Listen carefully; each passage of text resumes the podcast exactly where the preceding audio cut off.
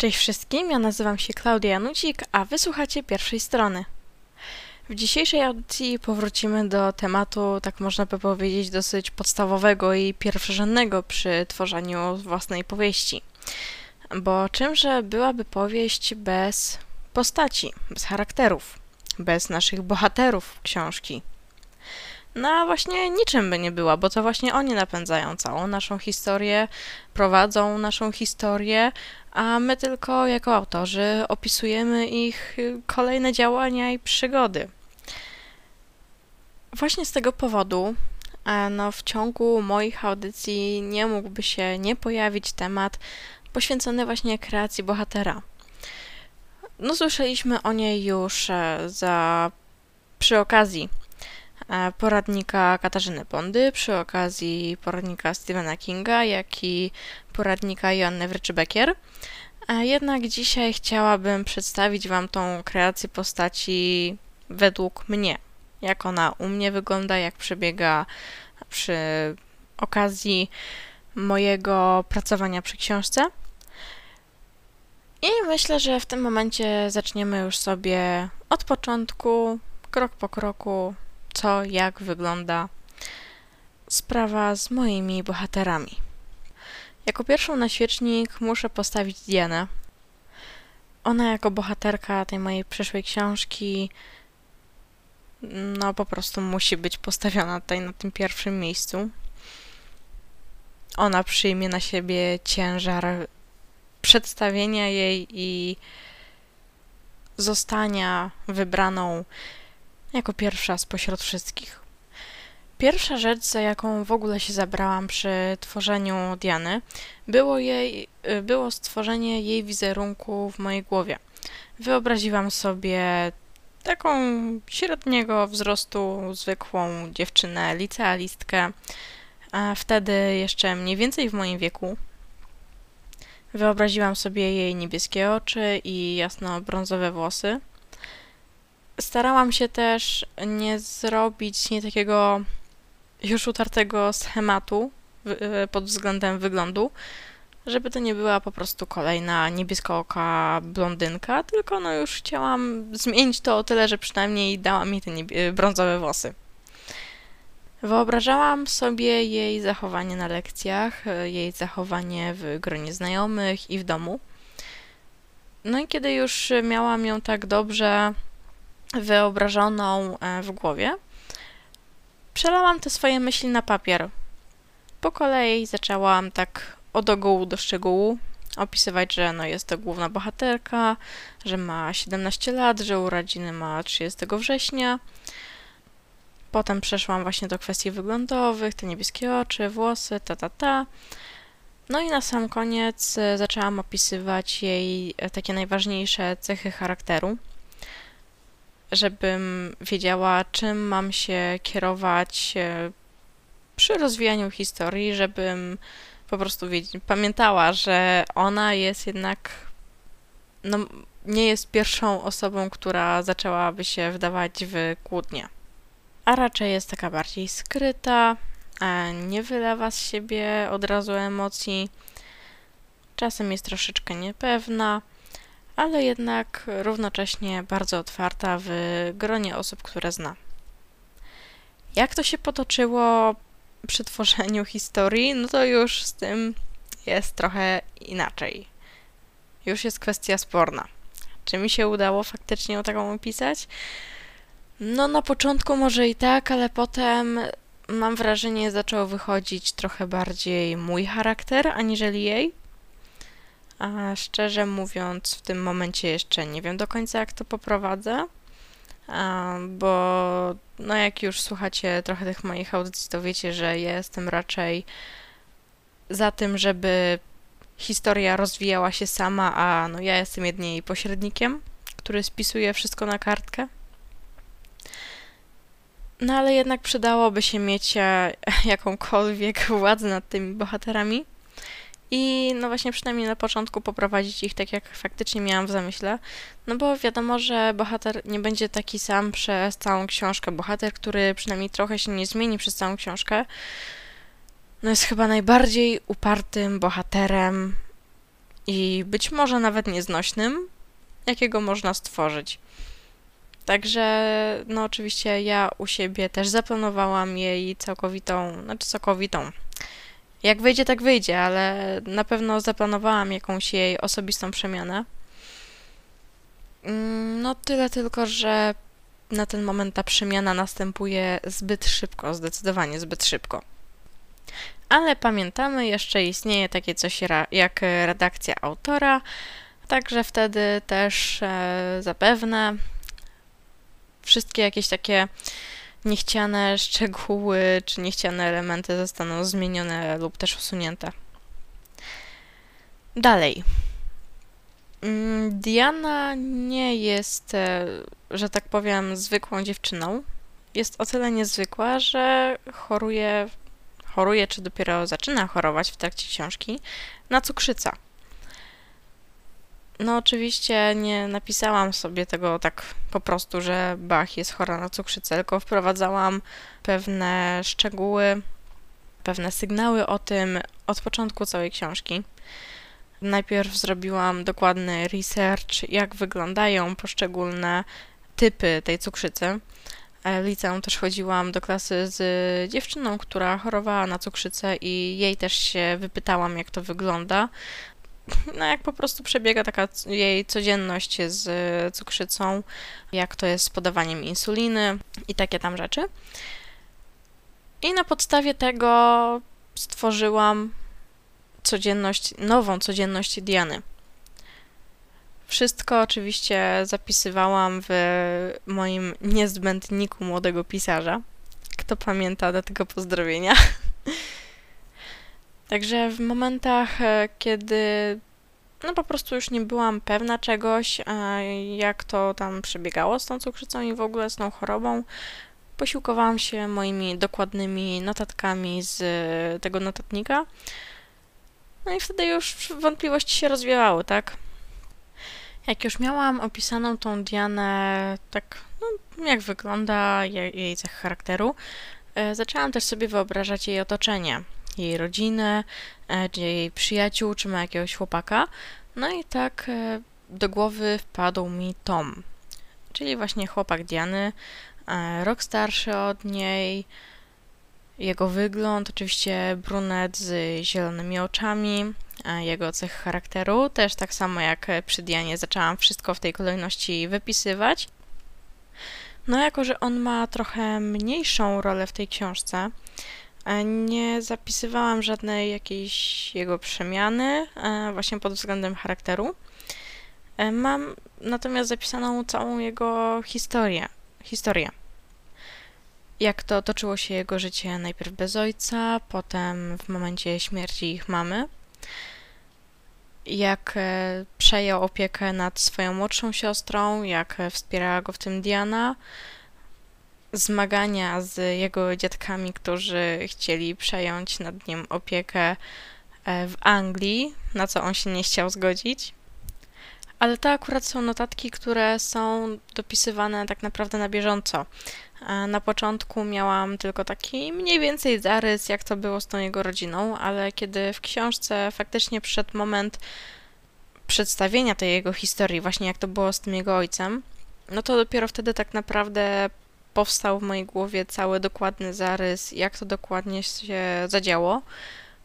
No i wszystko tworzyłam w miarę jak zapisywałam kolejne słowa. Czyli znowu najpierw powstał pomysł od razu przelany na papier, a dopiero potem zapisywałam wszystko w notatniku. Idąc dalej tropem otoczenia Diany i jej rodziny, Kolejną osobą, taką istotniejszą w jej życiu, okazała się jej siostra. Tutaj również schemat jest dokładnie taki sam, jak i przy powstawaniu Diany i Toma. Rozpisałam e, jej wiek, jej wygląd, jej e, charakter oraz jej historię nieszczęsną z niewiernym i niewdzięcznym narzeczonym.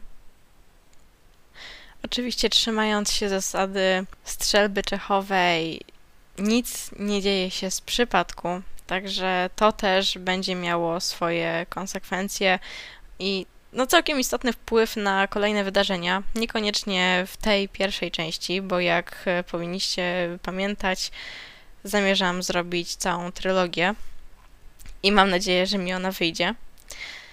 Ciekawe jest jednak to, że najpierw powstał mi zamysł tej jej historii, a dopiero po jakimś czasie doszłam do wniosku, że właśnie w taki sposób można by to wykorzystać w kolejnych częściach. Że jednak no, nic nie dzieje się bez przyczyny, tak? Wszystko w tworzeniu książ książki, czy no, nawet nie tylko w książki, wszystko ma swoje konsekwencje. Każde jakieś wydarzenie, czy to właśnie w życiu, czy to, no mówimy o książkach, więc właśnie w książce zaistniało po coś.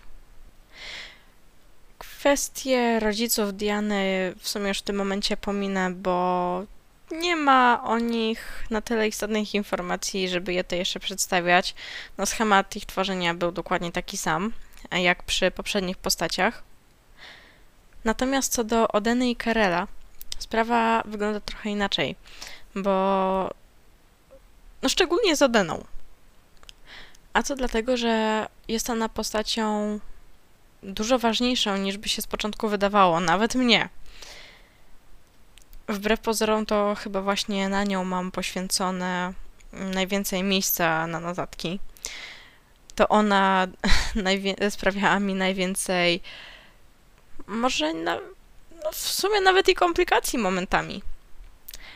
Jest to na tyle krnąbrna postać, że no, jej charakter wychodzi nawet przy moim pisaniu, bo no właśnie ta jej krnąbrność wymyka się czasami spod kontroli i spod mojego pióra.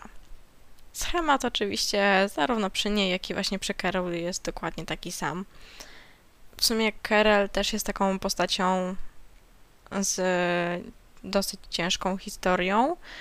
Ciężką w odniesieniu do jego charakteru, bo no to, co przeżył, akurat jego zabolało jeszcze bardziej, przez to, że mimo tej swojej czasami aż zbytniej pewności siebie jest postacią dosyć wrażliwą, która jest silnie przywiązana do tradycji i do swoich bliskich.